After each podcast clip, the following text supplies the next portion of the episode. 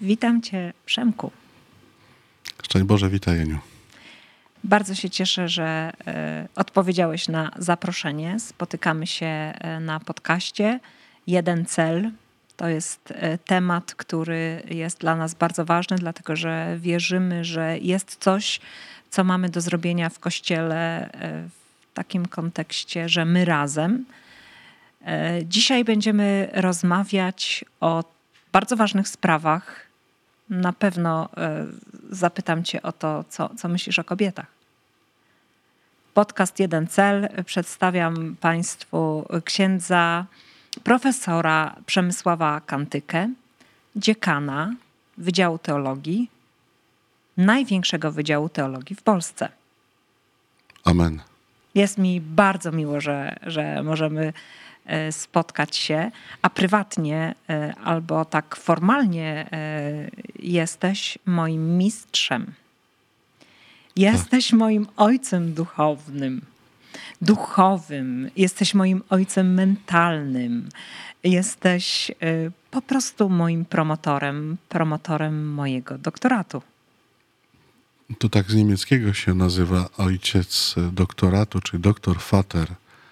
I dlatego jak się spotkamy za nią, to ja czasami mówię do niej córciu. Przemku, a jak to jest być promotorem Anisai? E, powiem tak.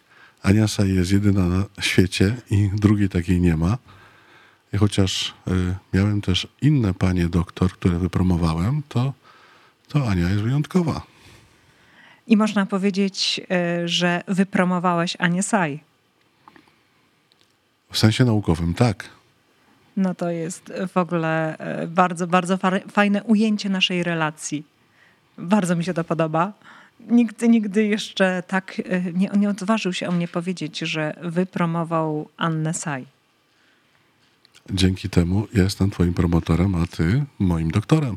O, ja jestem twoim doktorem, czyli jestem w jakimś sensie też częścią twojego dorobku naukowego nie traktowałbym cię jako część dorobku, bo to, to mi się kojarzy e, z czymś, co leży na półce, a ty jesteś żywą osobą i co więcej, e, i to jest moją wielką radością, ja widzę, że ty się stale rozwijasz, że ten doktorat to, to był tylko etap w twoim życiu, jeden z wielu etapów e, twojego rozwoju, a, a nie coś, co zrobiłaś i, i na czym spoczęłaś.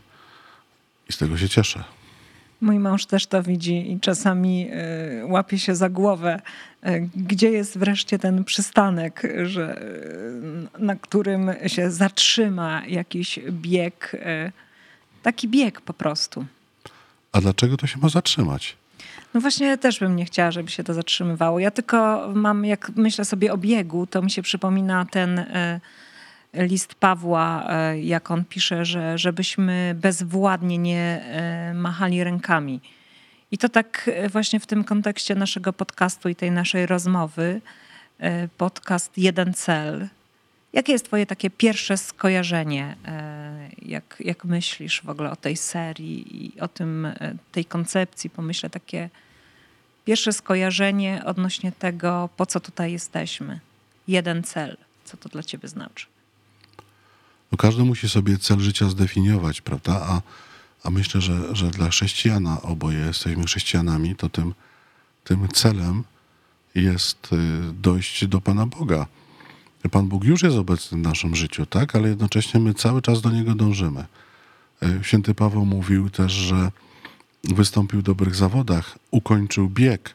Ale co to znaczy? To znaczy, że on całe życie biegł, a nie pełzał nie, nie siedział, prawda? Narzucamy tempo. E, wobec tego, wobec tego to jeżeli, jeżeli czasami myślisz, że, że twoje życie jest takie dynamiczne, no to no takie właśnie ma być. Bo, no. bo do nieba się biegnie.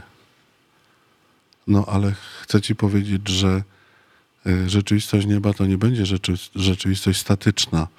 Ja wierzę w to, że my tam nie będziemy siedzieć na jakichś chmurkach i oglądać, mm, tak jak film, co się dzieje na Ziemi. Albo klęcząc na grochu ze tak. złożonymi rączkami. No, broń Boże, nie, nie, to, to, to, to wykluczam absolutnie. To znaczy, że ja bym się nie nadawał. Bo klęczeć mi jest trudno. To dla, dla księdza to nie jest dobra rzecz, jak, jak jest trudno klęczeć, no ale, ale tak jest.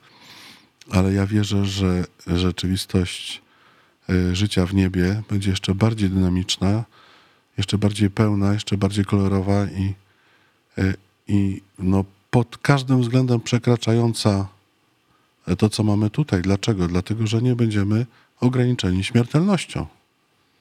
Będziemy mieć e, takie fajne ciała, tak? Te wszystkie problemy nasze e, cielesne tutaj znikną, nasze ciała będą przemienione. To jest bardzo kapitalna obietnica, która jest w teologii od bardzo od dawna. E, I e, święci i teologowie o tym mówili, że z martwych staniemy, czyli przybierzemy to nowe ciało uwielbione e, z takiego najlepszego okresu w życiu. O, Gdzie będziemy najmłodsi, no, może nie najmłodsi, ale, ale w tym sensie, że najpełniejsi sił witalnych, tacy no, tryskający energią, zdrowiem, urodą. To będzie dla nas niebo. Przemku, e, jesteś księdzem wiele lat. E, Ile lat już jesteś księdzem? Niech policzę 27 minęło, 28. No, ja tak właśnie jakoś celuję, że jesteś e, młodszym księdzem niż ja żoną. A e, wiesz, ja w ogóle poznałam, jak cię, pierwszy raz cię poznałam, nie? to, to szłam na rozmowę do profesora, który miał zdecydować o tym, czy mnie przyjmie na te studia doktoranckie, czy nie. I e, pierwszą taką e, rzeczą, z którą się spotkałam, to z takim naturalnym docenieniem tego, kim jestem. Pamiętasz w ogóle nasze pierwsze spotkanie? No, wstyd się przyznać, ale nie pamiętam. Ale wiesz co, ty byłeś pierwszą i chyba jedyną osobą, która e, doceniła moją piątkę na dyplomie magisterskim z teologii. Dla wszystkich to był fakt taki pomijany, to było takie oczywiste, a ty po prostu popatrzyłeś na ten mój e, indeks i tak e, po- popatrzyłeś na mnie i tak mnie pochwaliłeś. No, piątka. No to było takie po prostu dla mnie... e, Wiesz, co mi to mówi? To, to było trochę interesowne, bo to, to oznaczyło, że ty dobrze rokujesz. że nie, a druga rzecz, e, o której powiedziałaś, że, że rokuję, to to, że e, mam sześcioro dzieci, bo ja tak próbowałam się troszeczkę tak e, usprawiedliwiać, że może nie będę taką całkiem pilną studentką, bo przecież obowiązki, e, szóstka dzieciaków, e, mąż, firma. Tak, a to to akurat pamiętam, bo, bo wiem, że ci powiedziałem wtedy, że e, osoba, która potrafi ogarnąć szóstkę dzieci, znajdzie czas na wszystko inne. Mhm, Ja w to uwierzyłam. Ja w to uwierzyłam i to było takie dla mnie e, całkowicie proste. e, Popatrz, dzisiaj ja- w ogóle mówię dużo o takim mentalnym rozwoju jak dużo znaczy e, takie zdanie powiedziane przez mistrza, przez mentora. e, Po prostu zrobisz to, dasz sobie radę. I zrobiłeś. Kto był twoim takim mentorem w życiu? Miałem kilku tak naprawdę.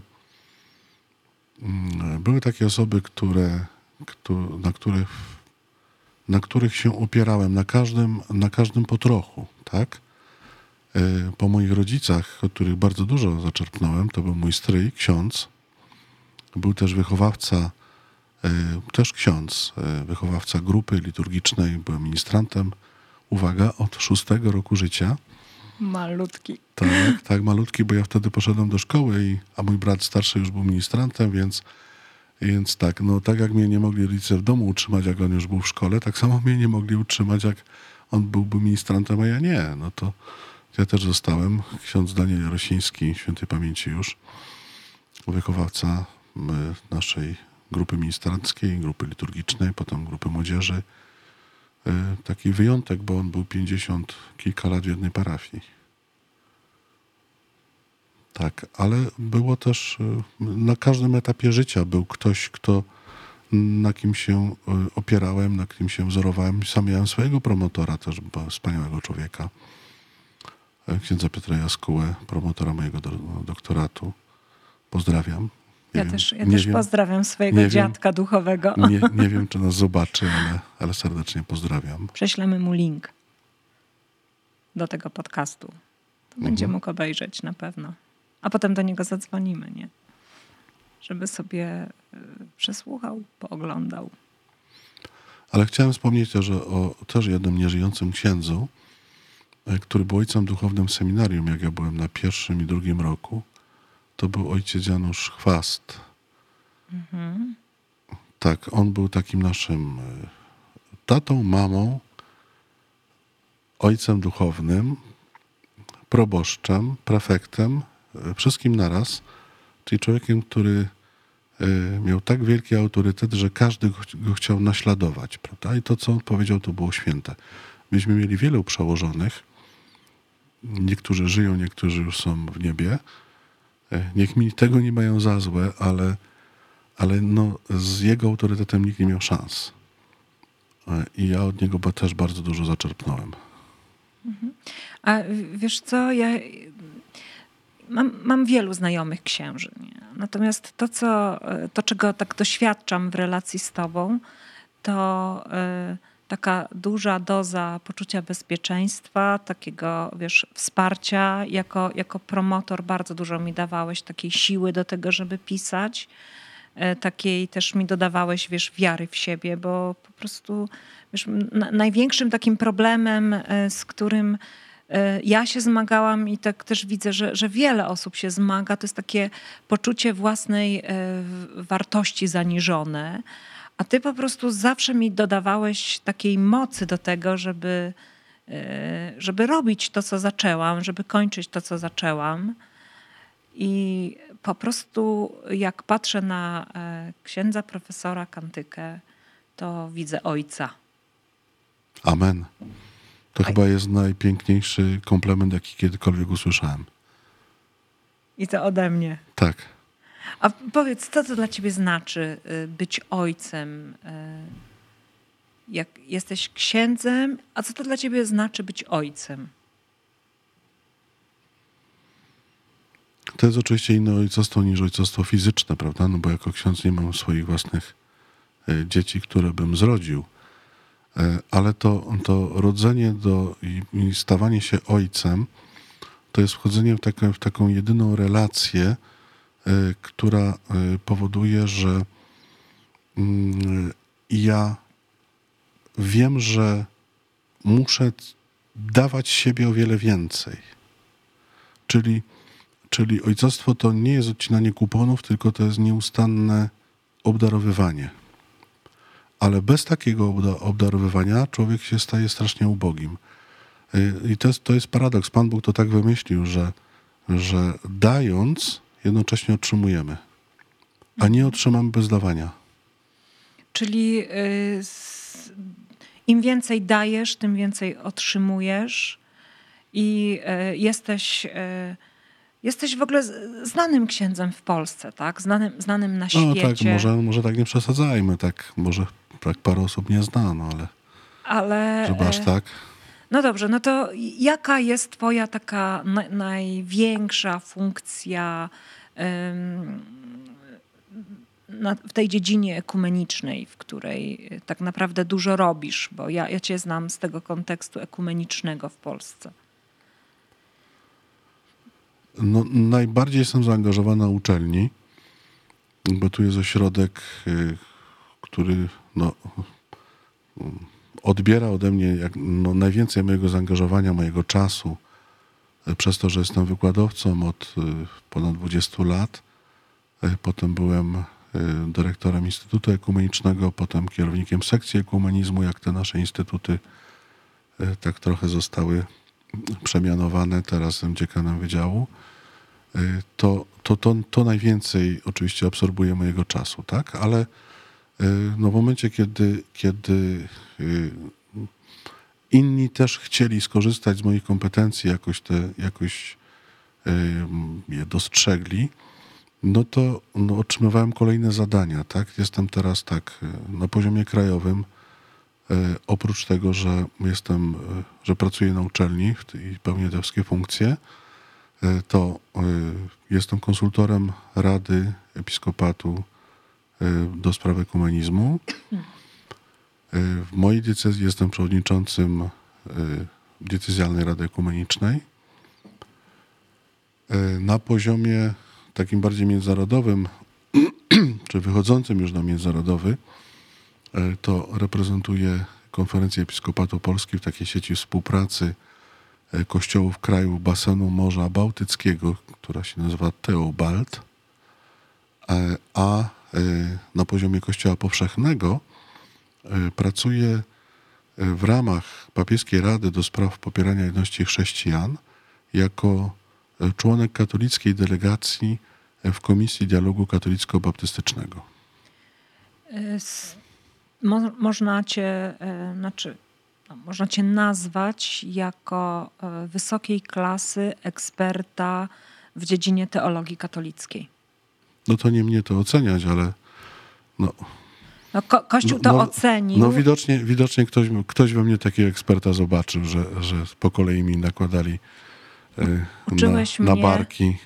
Uczyłeś mnie, że, e, że w tym ekumenizmie e, formalnym, e, żeby reprezentować Kościół katolicki, trzeba być ekspertem, żeby wiedzieć.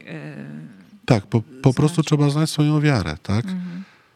No, bardzo wielu ludzi wierzy i to wierzy szczerze, wierzy mądrze, dobrze, ale też nie bardzo potrafi opowiedzieć o tej wierze, nie, nie potrafi sformułować. Tak? To do tego, żeby, żeby mm, podjąć dialog z innymi chrześcijanami, ale też nawet i z katolikami, bo to też są inni chrześcijanie, prawda? To trzeba umieć opowiedzieć o swojej wierze, trzeba umieć jasno sformułować, w co ja tak naprawdę wierzę jakoś to wytłumaczyć, tak?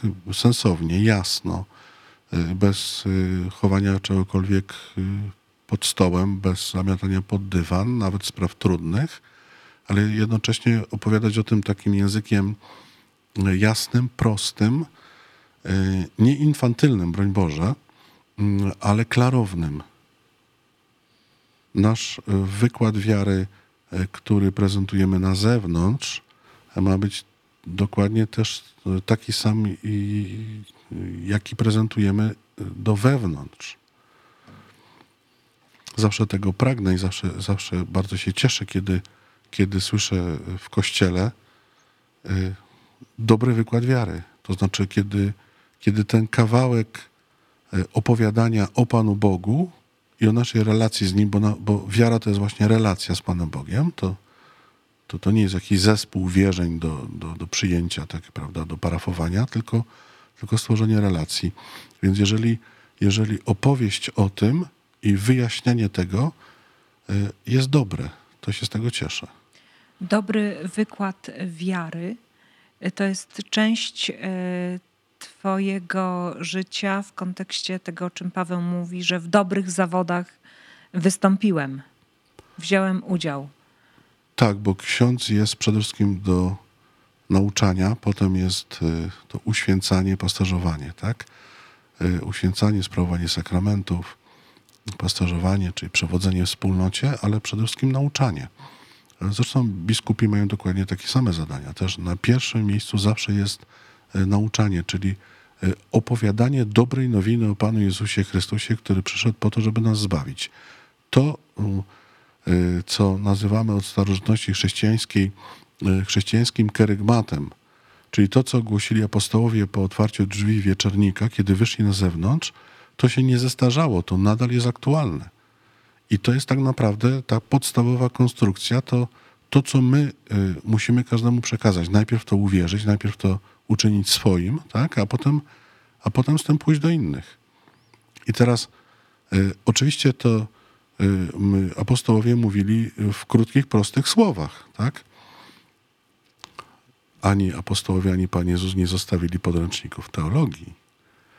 To wszystko trzeba było potem zrozumieć, postawić pytania, no bo człowiek chce zrozumieć, tak? Wiara musi być rozumna, nie ślepa. Ale wszystko to, co, co y, jest w obrębie wiary, co jest jej treścią, powinno być dobrze tłumaczone dobrze wyjaśniane. To jest trud z pokolenia na pokolenie. Nie da się tak tego zrobić raz na zawsze, a potem tylko wziąć starą książkę i ją odkurzać i czytać od nowa, prawda? Ale tego się nie da zrobić. Dlaczego? Dlatego, że każde pokolenie ma e, nie tylko swój język, który się trochę zmienia, ale inaczej widzi świat, bo widzi świat przez pryzmat swoich doświadczeń. I teraz językiem tego pokolenia trzeba dotrzeć do ludzi z dobrą nowiną. E, zauważ, jak e, wrócę do tego karygmatu, który głosili apostołowie po wyjściu z wieczornika. Tam każdy mógł słyszeć to słowo głoszone przez apostołów w swoim własnym języku. Mhm. I oczywiście można to naukowo do tego podejść, że to była tak zwana ksenoglosja, prawda, czyli mówienie językami, których e, się wcześniej nie uczyliśmy, tak? To jest jeden z, to jest jeden z darów charyzmatycznych, darów Ducha Świętego, ale e, tak naprawdę chodzi tutaj o to, że e, każdy człowiek na świecie, w każdej szerokości geograficznej, ale też i w każdym czasie ma usłyszeć dobrą nowinę o Jezusie w swoim języku, żeby mógł zrozumieć. Jak zrozumie, to przylgnie do tego słowa. Jak do niego przylgnie, jest na drodze zbawienia. Czyli chodzi o to, żebyśmy go lepiej poznali, tak? Żebyśmy dowiedzieli się tego, jaki on jest, bo znajomość jego serca, tego, co dla nas zrobił, wiąże się z taką naturalną odpowiedzią. W pierwszym rozdziale Ewangelii Jana są spotkania Jezusa z uczniami, to są powołania pierwszych uczniów. Mhm. Jezus pyta się dwóch uczniów, którzy za nim idą, czego szukacie? Czego szukacie? Oni mówią, nauczycielu, gdzie mieszkasz? Chodźcie, zobaczycie. Prawda? E, to, to gdzie mieszkasz, to, to no może nasze polskie słowa tak niedokładnie to oddaje, bo to chodzi o to, gdzie przebywasz, tak? Gdzie jest twoje miejsce na ziemi? I każdy z nas musi sobie sam na to odpowiadać, idąc za Jezusem, gdzie jest Bóg, gdzie On jest, gdzie jest w moim życiu. O to chodzi. Mhm. Dzisiaj jesteś e, dziekanem e, Wydziału Teologii. E, masz za sobą historię kilkudziesięciu lat służby w kościele. Jakie były takie największe wyzwania Twoje jako księdza? Może paradoksalnie powiem, że, że praca naukowa e, to jest wyzwanie, tak, e, ale te kolejne stopnie to po prostu przychodzą w miarę upływu lat i w miarę, w miarę przyrostu e, i doświadczenia, i publikacji, i, i no, tych, zdobywania tych wszystkich szczebli, ale największym wyzwaniem to jest budowanie samego siebie, budowanie swojej wiary. Mhm nie, nie tworzenie, y, y, nie, nie jakieś tworzenie swoich osiągnięć, budowanie pozycji, y, czy przyrost kolejnych tytułów przed nazwiskiem, które się już powoli nie mieszczą. To nie o to chodzi, tak? Ale, ale budowanie swojej osobistej relacji z Panem Bogiem jako takiego świadomego przeżywania wiary. To jest największe wyzwanie. Największe wyzwanie to jest, żeby, żeby y, będąc przewodnikiem w pewnym sensie innych, tak, samemu dojść i samemu nie stracić tego no, właściwego kierunku. To jest to, co y, jest jednocześnie y, wyzwaniem dla rodziców wierzących, dla rodziców, którzy przekazują wiarę.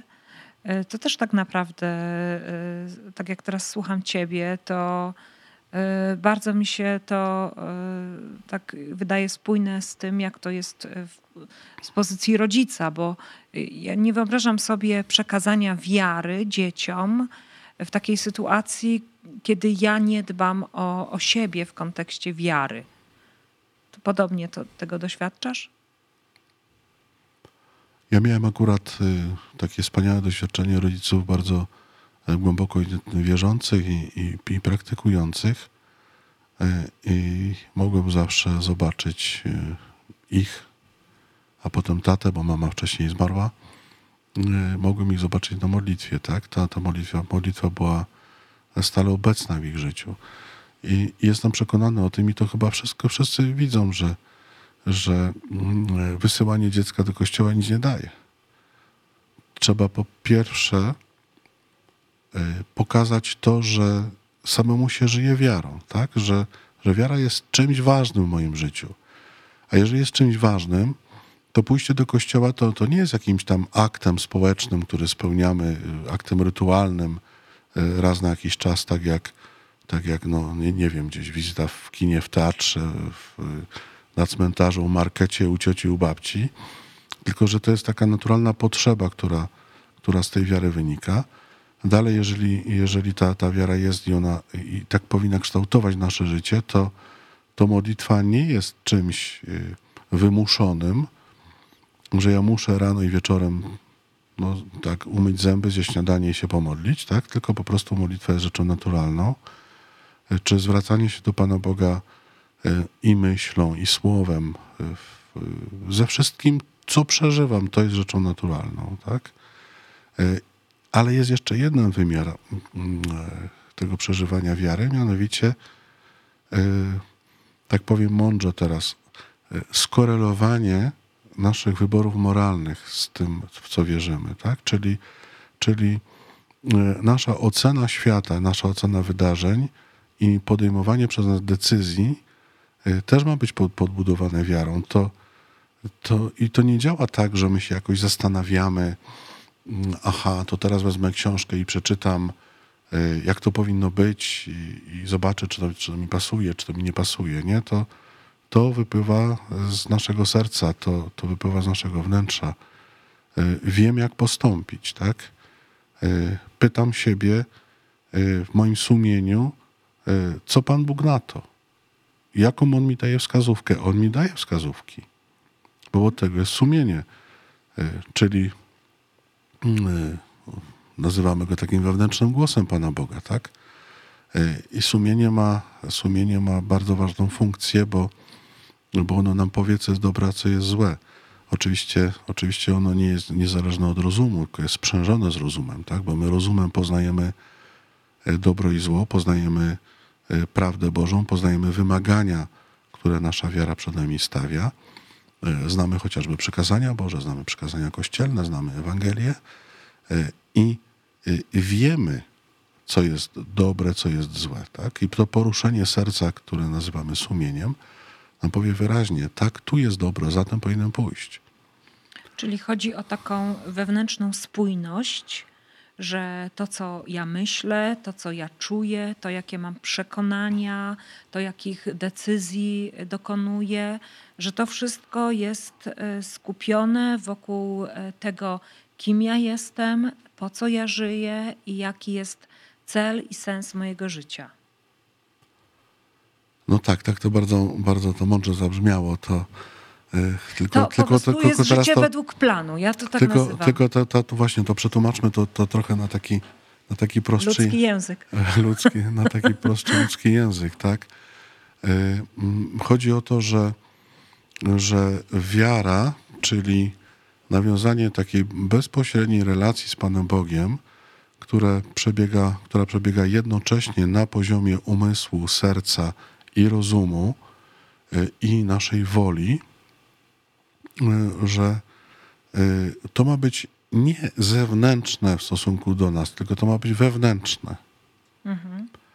A wtedy spełnianie jakiegoś rytuału, który my, który my spełniamy, chociażby gromadząc się w kościele, jest rzeczą naturalną. Możemy się spotykać w mniejszej wspólnocie, większej. To już jest akurat e, drugorzędne, tak? E, chodzi mi o to, żeby nie było czegoś takiego, że człowiek się czuje zobowiązany do spełnienia rytuału raz na jakiś czas, na przykład do pójścia na tą niedzielną mszę świętą e, i nic poza tym. Być może są tacy, no być może, przepraszam, są tacy, niestety. Może nawet jest ich sporo, którzy uważają, że na tym się kończy życie chrześcijańskie, tak? Że mamy, mamy spełnić jakiś ceremoniał.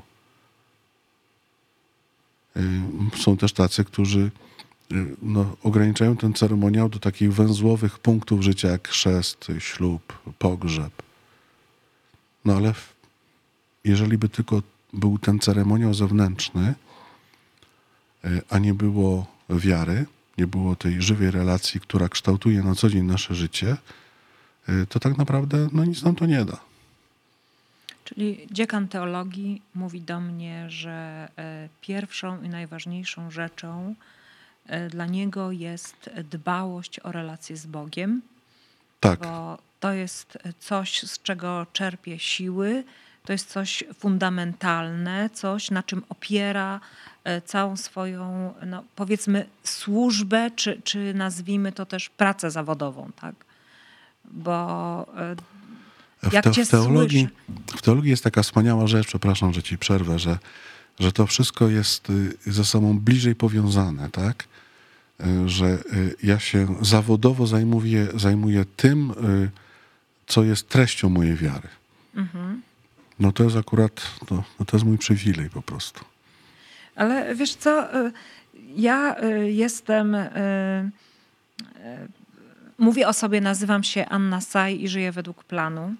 W, w social mediach buduję swój profil, wołam ludzi, y, y, zbieram społeczność ludzi, którzy chcą, y, tak jak ja, żyć według planu, dlatego że wierzę w to, że Bóg ma plan dla każdego z nas i zachęcam ludzi do tego, żeby wyszło na jaw to, kim tak naprawdę są w Chrystusie. I e, buduję ten, e, buduję ten profil, który jest zgodny z moją misją życiową i w pewnym sensie e, tak samo mogę powiedzieć, że moje zaangażowanie w służbę w kościele jest jednocześnie też jakąś moją pracą zawodową. Tak sobie wykreowałam rzeczywistość, że mogę być dostępna w social mediach, napisałam książkę. Ta książka jest dobrym, dobrym towarem. Dzięki tej sprzedaży książek mogę, mogę się utrzymywać, a jednocześnie robię coś, co jest, jak ty to nazwałeś, ta spójność pracy z misją. Jest, to jest przywilej. To jest przywilej, tak? No bo to słuchajcie, bo to, bo to, bo to w ogóle jest tak, że e, no mówię, słuchajcie, tak jakby mnie słuchało wiele osób, a widzę ciebie. Na pewno tak? nas słucha wiele osób. No ale, ale to, to, to wybacz, bo, bo to, no, to, to jest może taka już taka przywara e, nauczycielska, prawda, że, no, że zawsze tak, tak e, lubimy mówić, słuchajcie, ja wam powiem, tak. E, no ale chciałem powiedzieć tylko ty, tyle, że e, jeżeli człowiek ma taki przywilej, że robi to, co lubi, robi to, do czego się czuje powołany, a jeszcze z tego może żyć, czyli mu za to płacą, mhm. no to bardzo dobrze, no to chwalić Pana Boga, dlaczego nie?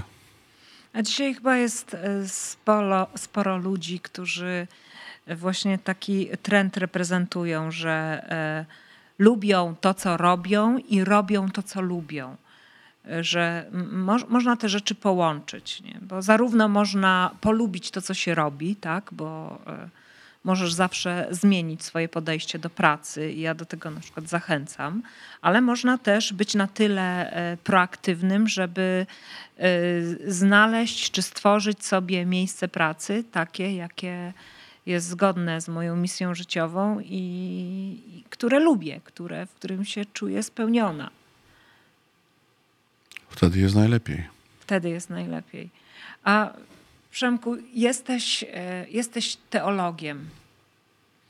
Jesteś ekspertem, e, można cię zawsze zapytać, e, jak to jest, co Kościół mówi na ten temat. A jednocześnie twój język jest prosty. Bo jak opowiadasz o, tej, o tym przekazie wiary, to ja, ja słyszę dużą taką prostotę i taką, taką uważność na tym, żeby być dobrze zrozumianym i żeby niczego nie skomplikować, aż do tego stopnia, że e, jakby tak próbujesz upraszczać to, co ja mówię. To jest w ogóle niebywałe, że teolog na takim poziomie eksperckości jak ty mówi prostym językiem. No tu się muszę przyznać, że jest we mnie pewien taki dualizm, bo jak piszę, to mam tendencję do, do kondensowania i to bardzo dużego. E, nawet, Nawet kiedyś jeden z recenzentów e, napisał o mojej książce takie zdanie, które no, mnie bardzo się podobało, bo odebrałem jako, jako wielki komplement. komplement, tak, że jest, y, mój tekst jest tak skondensowany jak wzór matematyczny. Wow.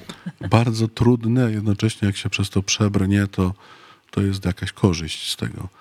Y, no a w mówieniu odwrotnie, y, to przyszło tak naprawdę z kaznodziejstwa, dlatego że jako ksiądz, no nie od początku byłem profesorem, byłem po prostu najpierw no, prezbiterem, wikariuszem, po prostu byłeś księdzem. Byłem po prostu księdzem w parafii, tak? I dziś już bym nie powiedział takich kazań, jakie mówiłem na samym początku. One były zbyt skomplikowane.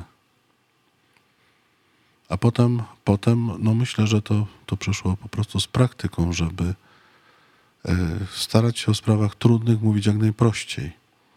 Bo, bo nie chodzi o to, żeby, żeby pojechać słownikiem wyrazów obcych, żeby ludzie się łapali za głowę, tak, i wychodzili z kościoła, tak jak tak podobno jedna, jedna starsza pani po rekolekcjach e, chwaliła rekolekcjonistę. Mówi, tak mądrze mówi, jak on mówił mądrze, nic nie zrozumiałam.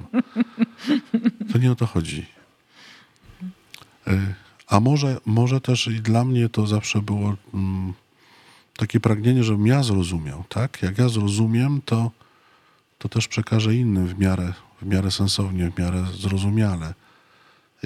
I, i zawsze miałem takie wrażenie, że, że ci, którzy mówią e, w sposób zbyt skomplikowany, to może sami do końca tego nie przetrawili, nie zrozumieli. Przemku, na moim egzaminie licencjackim zapytałeś mnie, jak rozumiem dialog ekumeniczny. Odwdzięczyć się tym samym dzisiaj. Jak rozumiesz dialog ekumeniczny? Dialog ma tak naprawdę kilka poziomów, bo jest dialog taki e, ekspercki na poziomie teologicznym, dialog doktrynalny.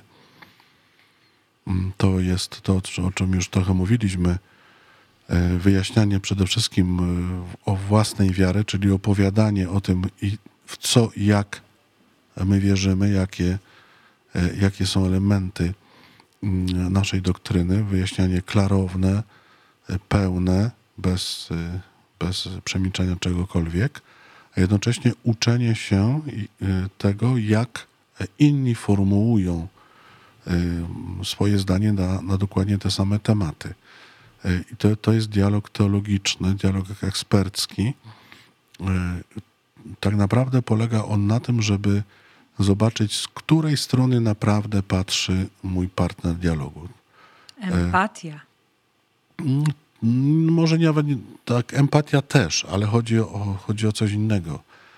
E, my prawd wiary nie ustalamy. Tak? Prawda w dialogu ekumenicznym jest do odkrycia, nie do ustalenia. Tym się różni mhm. dialog, dialog tym się różni od negocjacji. Mhm. My nic, nic nie negocjujemy, nie, nie sprowadzamy wiary do jakiegoś wspólnego mianownika. On no, zazwyczaj musiałby być bardzo niski. Ale patrzymy na y, ten sam obiekt poznania teologicznego, czyli na daną prawdę, pod naszym kątem. To poznanie jest aspektowe.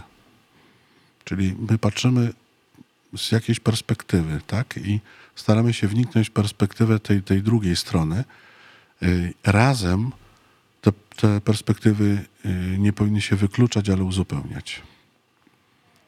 To jest dialog na poziomie eksperckim, ale jest też dialog życia. Mhm. I ten dialog życia y, polega już nie na tym, żeby, żeby rozmawiać o doktrynie, no, tylko o tym, jak ja żyję jako chrześcijanin. Tak? Y, czasami nawet nie trzeba o tym rozmawiać. Można to po prostu y, przeżywać. Kiedy się ma możliwość spotkania z chrześcijanami innych wyznań, i pobycia z nimi trochę razem, pouczestniczenia razem z nimi w modlitwie, w tym jak oni przeżywają wiarę, to to jest właśnie dialog życia. Ja e, spotkałam wielu teologów, ale nie wszyscy z nich e, mieli taką łatwość e, z ekumenizmem. Wielu księży w ogóle nie lubi ekumenistów nie lubi tego takiego otwarcia na ekumenizm posoborowego. Bo może ciągle im się wydaje, że mm, ekumenizm to jest jakaś wyprzedaż wartości katolickich. Nie, nie, to nie ma nic wspólnego z wyprzedażą. Nie trzeba się obawiać, bo Mm, jeżeli czujemy się tak rzeczywiście dobrze zakorzenieni w naszym własnym kościele, jeżeli e, wiemy, co to znaczy być w kościele katolickim, dlaczego jesteśmy w kościele katolickim, i jednocześnie wiemy, że ta katolickość to jest otwartość, powszechność, to nie, nie boimy się innych. Co oni nam mogą złego zrobić? No, no, no może na poziomie ludzkim, no to każdy człowiek jeden drugiemu katolik, katolikowi też może zrobić coś złego, tak? Ale, ale mi chodzi o, o to, że nie ma zła w spotkaniu pomiędzy różnymi chrześcijanami. Mhm. Y, nie jest w stanie spotkanie, czy to z protestantem, czy z zielonoświątkowcem, czy z prawosławnym, uczynić mi żadnej krzywdy. Wobec tego, dlaczego mam się tego bać? Ja pozostaję katolikiem. Mhm. A na czym, na czym polega i, i oprócz tej e, takiego braku pewności co do e, tożsamości naszej katolickiej, także ona by może e, pozostać tą tożsamością katolicką w relacjach z innymi, na czym, na czym polega jeszcze e, wyzwanie, jakim jest ekumenizm dzisiaj?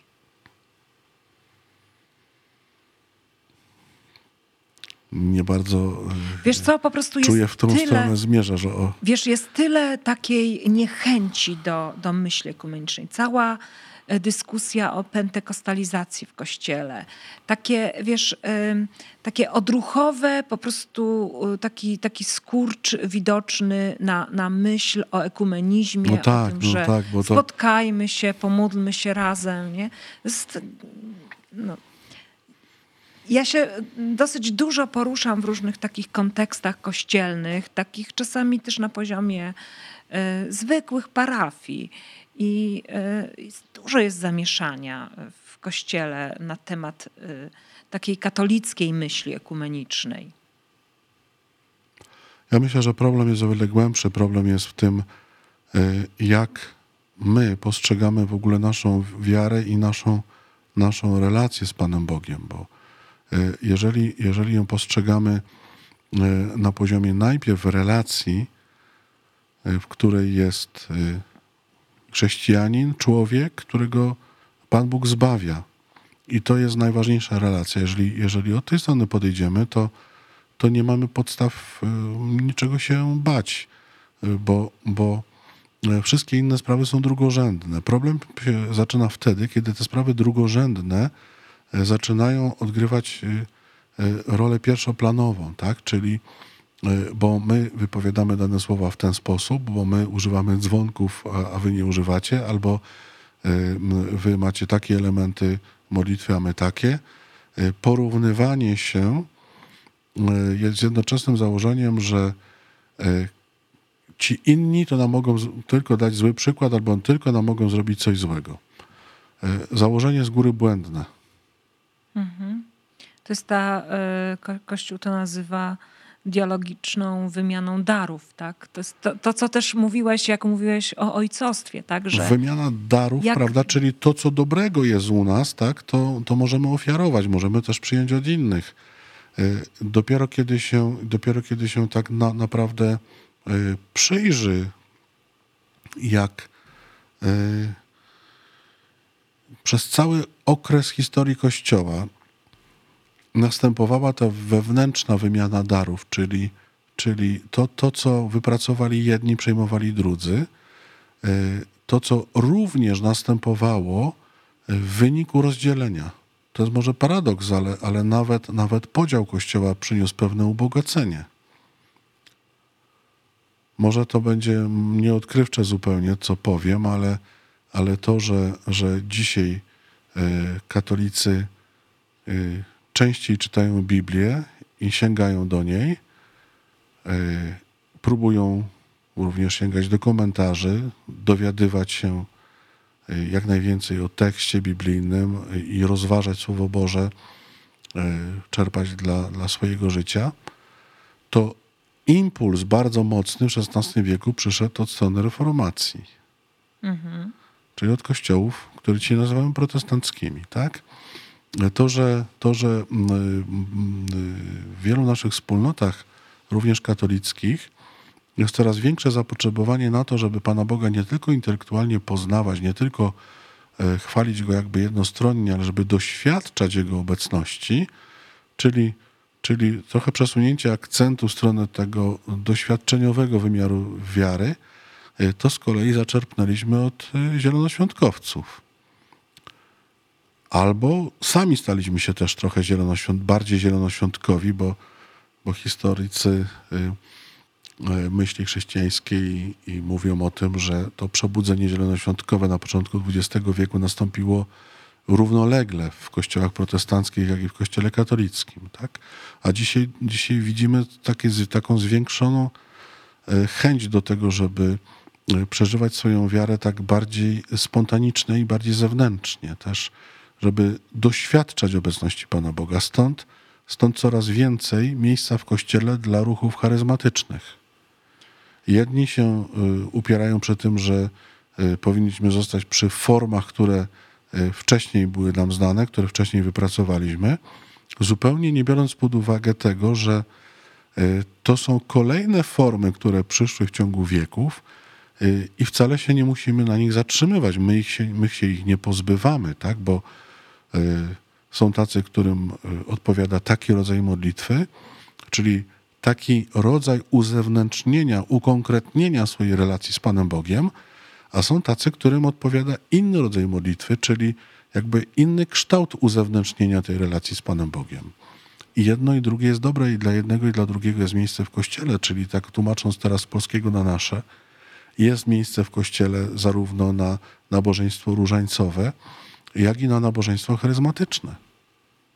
Ja pamiętam, jak e, rozmawiałam z tobą na fali takiej, e, wiesz, naprawdę e, przykrej dla wielu wspólnot charyzmatycznych dyskusji, dla wielu osób posługujących w kościele na, te, na fali tej dyskusji o pentekostalizacji, te, temu takiemu przyglądaniu się ludziom młodym, w ogóle czy tam starszym, głoszącym w kościele, dzisiaj odważnie ewangelizującym. I właśnie to zdanie Twoje takie, że jest miejsce dla wszystkich w kościele.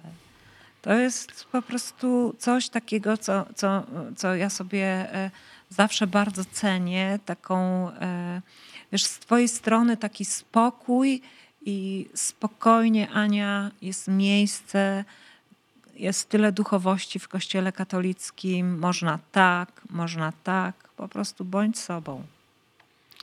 A chciałbym, żebyśmy wrócili jeszcze do tego, do tego określenia pentekostalizacja. Mhm. E, to, to, wręcz, to wręcz przybrało e, w niektórych kręgach e, takie znaczenie, jakbyśmy mówili o jakiejś chorobie zakaźnej.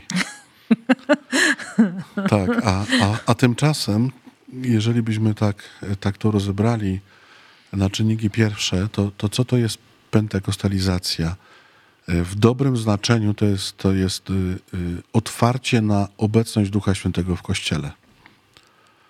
No więc może ktoś się zgorszy tym, co powiem, ale y, bez tak rozumianej pentekostalizacji nie ma Kościoła. Dlatego, że Kościół jest zwoływany przez Ducha Świętego. Duch Święty działa w Kościele i bez Jego działania by Kościoła nie było. Wobec tego im więcej Ducha Świętego w Kościele, tym lepiej tym lepiej. Znaczy, im więcej przejawów jego działania, tak, tym lepiej.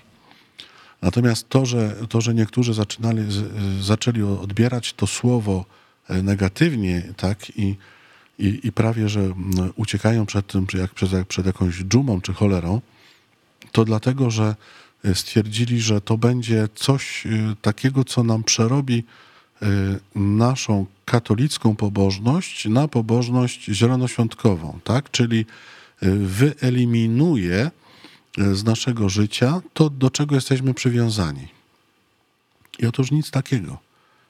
E, gdyby tak rzeczywiście było, no to byłaby strata, dlatego że my mamy w Kościele katolickim ogromne bogactwo, przede wszystkim ogromne bogactwo życia sakramentalnego, które jest po stronie protestanckiej, zielonoświątkowej również mocno zredukowane.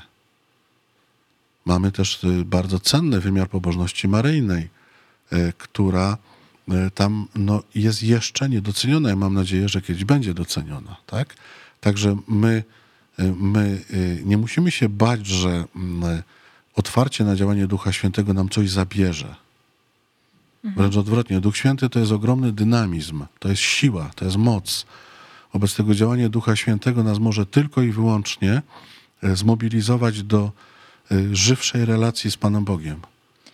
Mówisz e, sporo o tym, że, że, że nie musimy się bać, tak? że takie podejście z lękiem ono nie służy i ono mówi o tym, że... Ale o tym Jezus mówił. On mówi do apostołów, ciągle mówił, nie bójcie się, nie lękajcie się, tak?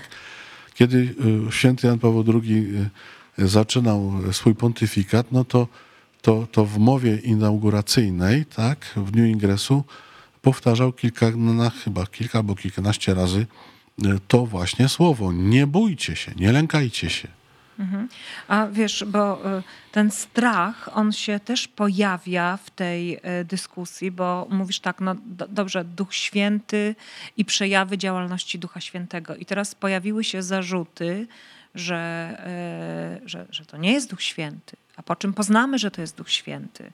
A skąd wiemy, że to jest Duch Święty, a, a może to jest zły duch? I takie, takie podejście to zrodziło dużo lęku, dużo takiego zamieszania i, e, i takich podejrzeń. Wiesz, zaczęliśmy się traktować trochę e, jak, znaczy, ja czasami się, wiesz, tak jak obserwowałam różne dyskusje, to myślałam sobie, no chyba coś tutaj jest nie tak, bo tak jakby ktoś był trendowaty, że się boimy, że, Wiesz o czym mówię? Wiem, co chcę powiedzieć. Bo to cały czas o tym myślałem, kiedy, kiedy Cię słuchałem. E, sztuka rozeznawania duchów. Mhm. Nauka o rozeznawaniu duchów. Jakie natchnienia pochodzą do ducha dobrego, czyli ducha świętego, a jakie pochodzą od ducha złego, to jest e, E, doświadczenie, e, zakumulowane doświadczenie 20 e, wieków chrześcijaństwa. Mhm. 20 bo, wieków. Bo musimy pamiętać o tym, że oprócz ducha dobrego, czyli ducha świętego, jest też duch zły, który ma działanie zupełnie przeciwne. I teraz kryterium, jakim trzeba się posłużyć, bardzo prostym, jednocześnie najbardziej skutecznym, jest to kryterium, które podał Pan Jezus poznacie ich po owocach. Nie może dobre drzewo przynieść złych owoców, a złe drzewo dobrych owoców. Więc jeżeli e, owocem działania ducha jest to, że e, ludzie się nawracają, że otwierają się na działanie łaski Bożej, że e, głębiej przeżywają swoją wiarę. Jeżeli owocem jest to, że stają się świadomymi chrześcijanami, jeżeli y, to ich prowadzi też do y, głębszego, częstszego, bardziej świadomego uczestniczenia w sakramentach Kościoła, to nie może być zły owoc. To jest owoc dobry. Wobec tego, jeżeli jest to dobry owoc, to jest to działanie Ducha Świętego, a nie Ducha Złego. A. Duch zły zawsze jest duchem podziału, duchem podejrzliwości, duchem lęku. To, co mówisz, jak tego słucham, to e, słyszę e, dużo obserwacji poczynionych.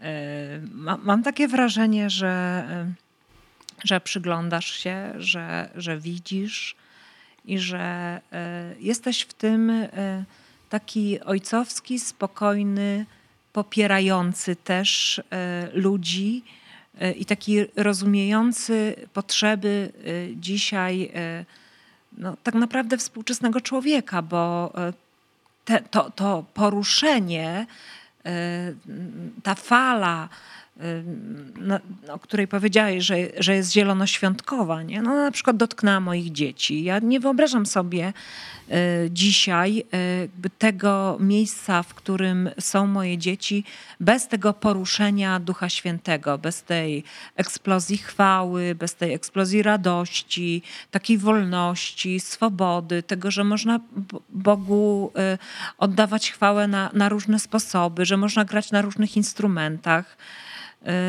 Wiesz, nie wyobrażam sobie, jak mogłabym osiągnąć jako, jako matka ten rezultat, który osiągnęłam dzięki temu, że to otwarcie miało miejsce.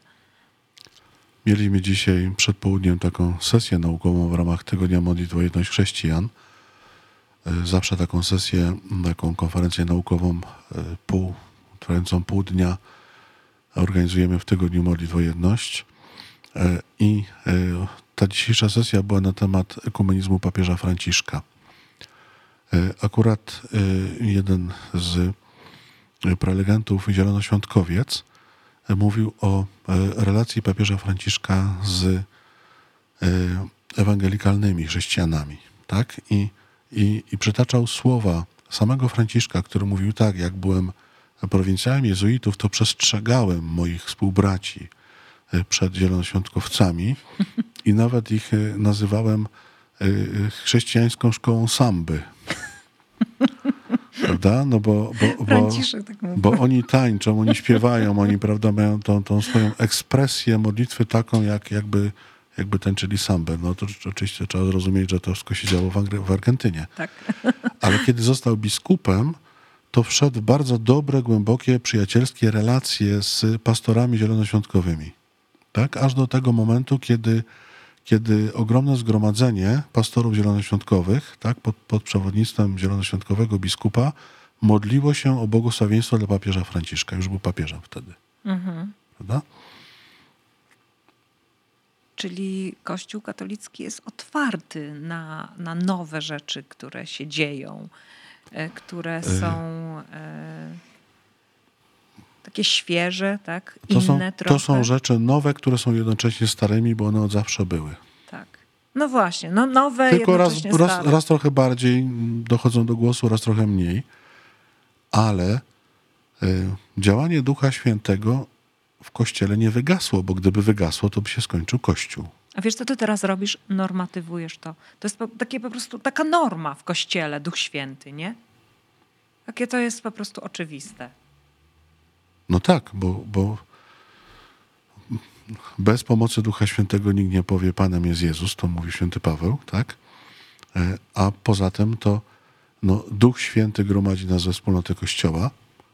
Co więcej, Duch Święty działa w każdym sakramencie. My, my nie jesteśmy w stanie ludzką mocą przemienić darów chleba i wina w ciało i krew Chrystusa, to do tego dokonuje Duch Święty. Więc gdyby Duch Święty poszedł na wakacje, albo, no, albo gdzieś obraził się na Kościół i wyszedł, tak, to, to, to nie ma już Kościoła. Jest Duch Święty, działa w Kościele, tylko teraz tak, jaką formę ekspresji przybiera nasza pobożność? Mhm. To, jest, to jest y, ta sprawa drugorzędna, którą my czasami y, czynimy pierwszorzędną i oto kopię kruszymy. Że ktoś, jeden woli śpiewać y, no, no, stojąc na baczność z miną ponurą, to niech, to niech tak śpiewa, jeżeli jeżeli to jest najlepszy sposób, jakim uwielbia Pana Boga, bardzo proszę, tak? Kto, ktoś inny w ciszy swojego serca będzie się modlił, medytując tajemnicę różańca i, i, i to jest jego droga modlitwy, bardzo proszę, tak? Ale jeżeli ktoś e, chce wyrazić tę modlitwę również swoim ciałem, przy tym tańcząc, podskakując, tak jak Dawid przed Panem, no to dlaczego nie? Bardzo proszę. I będą, będą tacy, jak, jak córka Dawida, tak? Która. Żona. Przepraszam, żona Dawida, córka Saula, tak? która nim zgardziła wtedy, jak zobaczyła, jak on pląsa przed Panem. Mhm. Przemku, a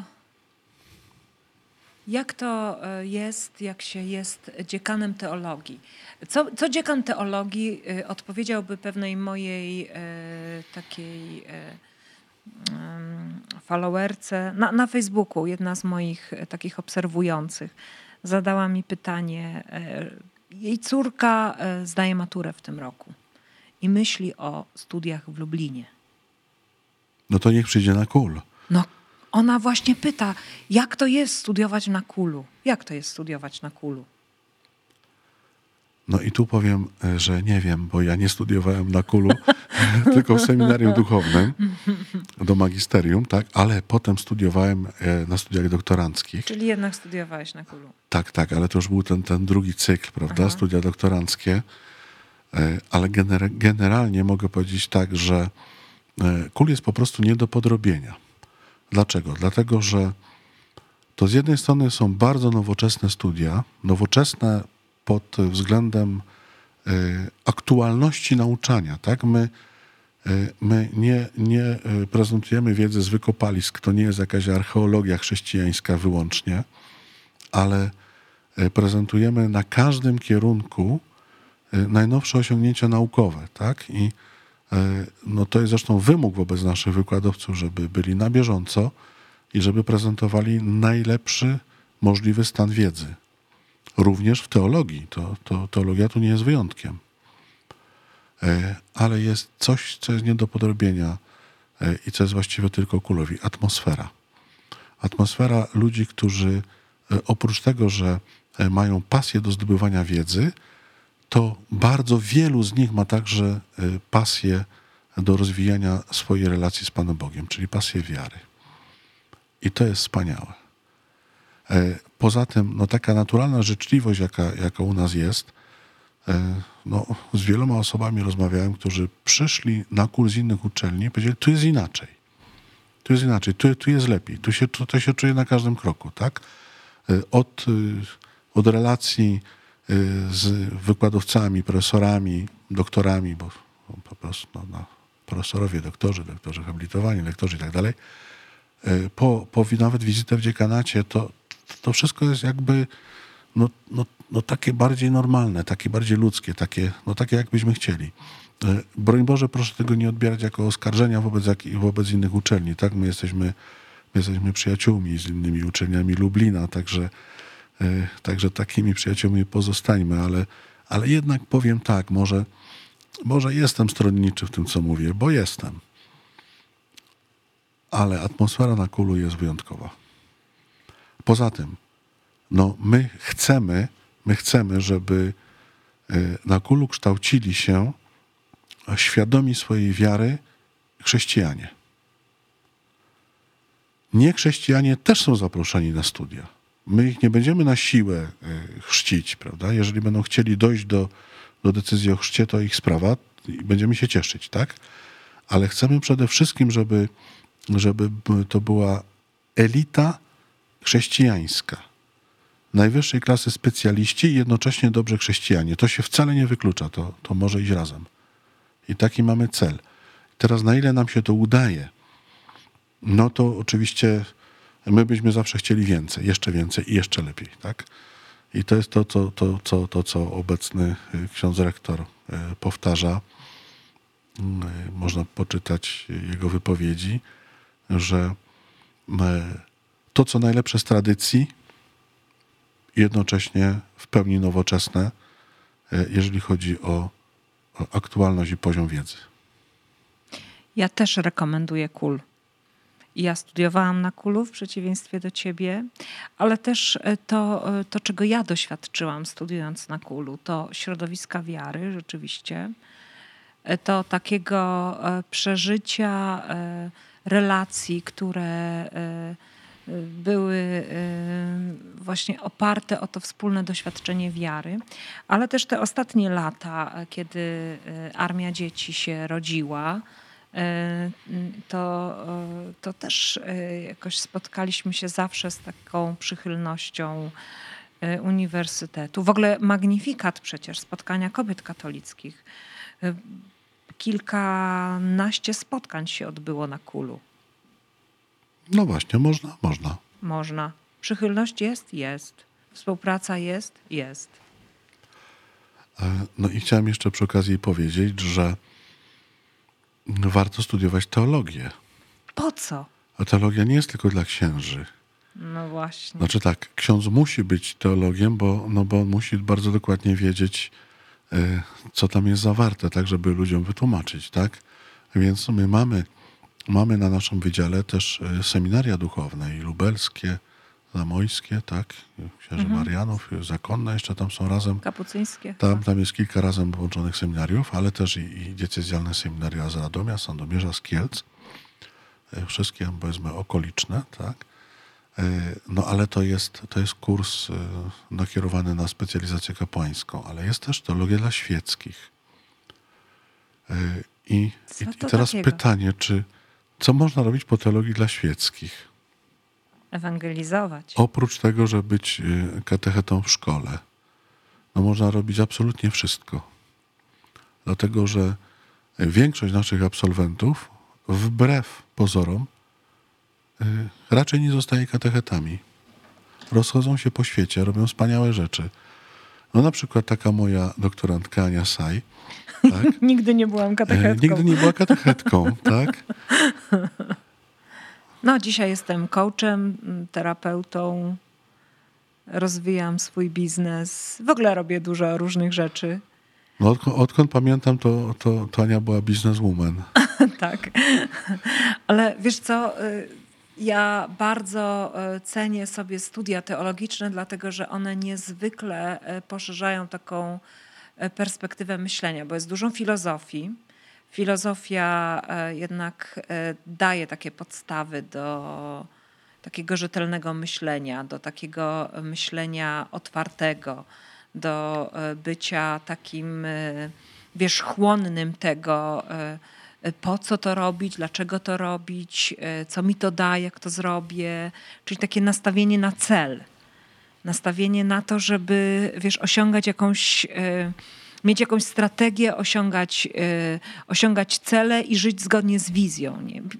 Mnie teologia nam nauczyła takiego myślenia z perspektywą tego, y, w którą stronę zmierzam, po co żyję.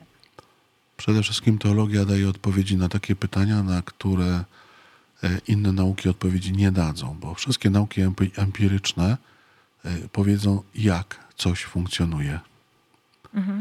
E, Filozofia pokusi się o to, żeby zapytać, a dlaczego tak jest? I będzie na to mm, dawała odpowiedzi, nawet mądre, no chociaż e, no, no zawsze zależne od, od pewnego przyjętego z góry systemu myślowego, tak? E, A tylko teologia postawi pytanie, a po co to jest? Czyli jaki jest najbardziej dalekosiężny cel tego wszystkiego, co jest. I tylko teologia jest na to w stanie odpowiedzieć. Po Także zapraszam, studiujcie teologię. Słuchajcie, to jest fascynująca przygoda. To, to nie jest jakaś, jakaś tam e, jakieś statyczne e, no, siedzenie w kącie kościoła, czy, czy, czy, czy zakopanie się e, w książkach teologicznych. Nie, to jest intelektualna przygoda. Bo jeżeli ktoś to weźmie na serio, to pomyślcie tak, ogarnąć skomplikowanie tego świata, czyli na poziomie nauk empirycznych, tak, to już jest y, niesamowicie dużo roboty i, i wielkie wyzwanie, tak? Zrozumieć, dlaczego to wszystko się dzieje i jest poukładane tak, a nie inaczej, to jest jeszcze większe wyzwanie. Ale sięgnąć myślą tak daleko, żeby dociekać, a po co to jest i gdzie to ma koniec, czy w ogóle ma koniec, to jest dopiero przygoda intelektualna. Dlatego tak naprawdę przez y, całe wieki e, do studiowania teologii dopuszczano tylko najtęższe umysły. Przemku, y, rekomendujemy KUL. Zapraszamy na wydział. No poza tym, no to słuchajcie, no to jest wydział, na którym ja jestem dziekanem. No, No czyli- właśnie to chciałam no to, powiedzieć. No, no to, to jak, chciałam jak- powiedzieć. No to jak można nie to, jest, przyjść? to jest Wydział Teologii i jeśli ktoś y, w ogóle nas słucha teraz, a nas słucha dużo ludzi, młodych ludzi, to ja y, chcę y, cię namówić, Przemek, żebyś zaoferował kawę każdemu studentowi, który przyjdzie y, studiować na teologię po obejrzeniu i po wysłuchaniu tego podcastu. Co ty na to? Już zapraszam, a mam dobrą kawę. Hasło podcast. Słyszałam, że masz nowy ekspres, tak? Dobry ekspres, a to służbowy. Służbowy, ale bardzo służbowy, dobry, tak, tak, bardzo tak. A ja, dobry. ja tak. jeszcze nie byłam. Niech żyje, niech żyje uczelnia i, i wszystkie, wszystkie e, osoby decyzyjne, które to sprawiły. Kochani, tym akcentem y, będziemy powoli się z wami rozstawać. rozmawiałam z księdzem profesorem, doktorem habilitowanym Przemysławem Kantyką, dziekanem Wydziału Teologii, największego Wydziału Teologii w Polsce. A może i w Europie? Niech będzie, że w Europie. Może i na świecie? A może i na świecie. E, jestem Ci, Przemku, bardzo wdzięczna za to, że e, tyle treści wartościowych e, tutaj padło z Twojej strony. To, co najbardziej dla mnie jest takie, wiesz, wyzywające na pojedynek niektórych, to Twoja miłość do kerygmatu i Twoja dbałość o to, żeby być w relacji z Bogiem, bo ta relacja jest fundamentalną relacją Twojego życia i za to Ci jestem bardzo wdzięczna, dlatego że to mówi mi o Twojej wielkiej pokorze i o tym, że e, wielkie rzeczy Bóg przygotował dla Ciebie i wierzę w to, że osiągniesz wielkie cele po prostu nie jesteś przeciętny. Jesteś no, wielki. No, chwalą to trzeba uciekać. Takie, tak jak rozmawialiśmy na początku. Mm, e, widzę twoje, twoje zasoby i doceniam to, kim jesteś. Dzięki. Aniu, dzięki, że jesteś. Pozdrawiamy wszystkich. Lajkujcie komentarze o o Katolickim Uniwersytecie, znaczy linki do uniwersytetu pojawią się pod e, podcastem. Do zobaczenia. Z Bogiem.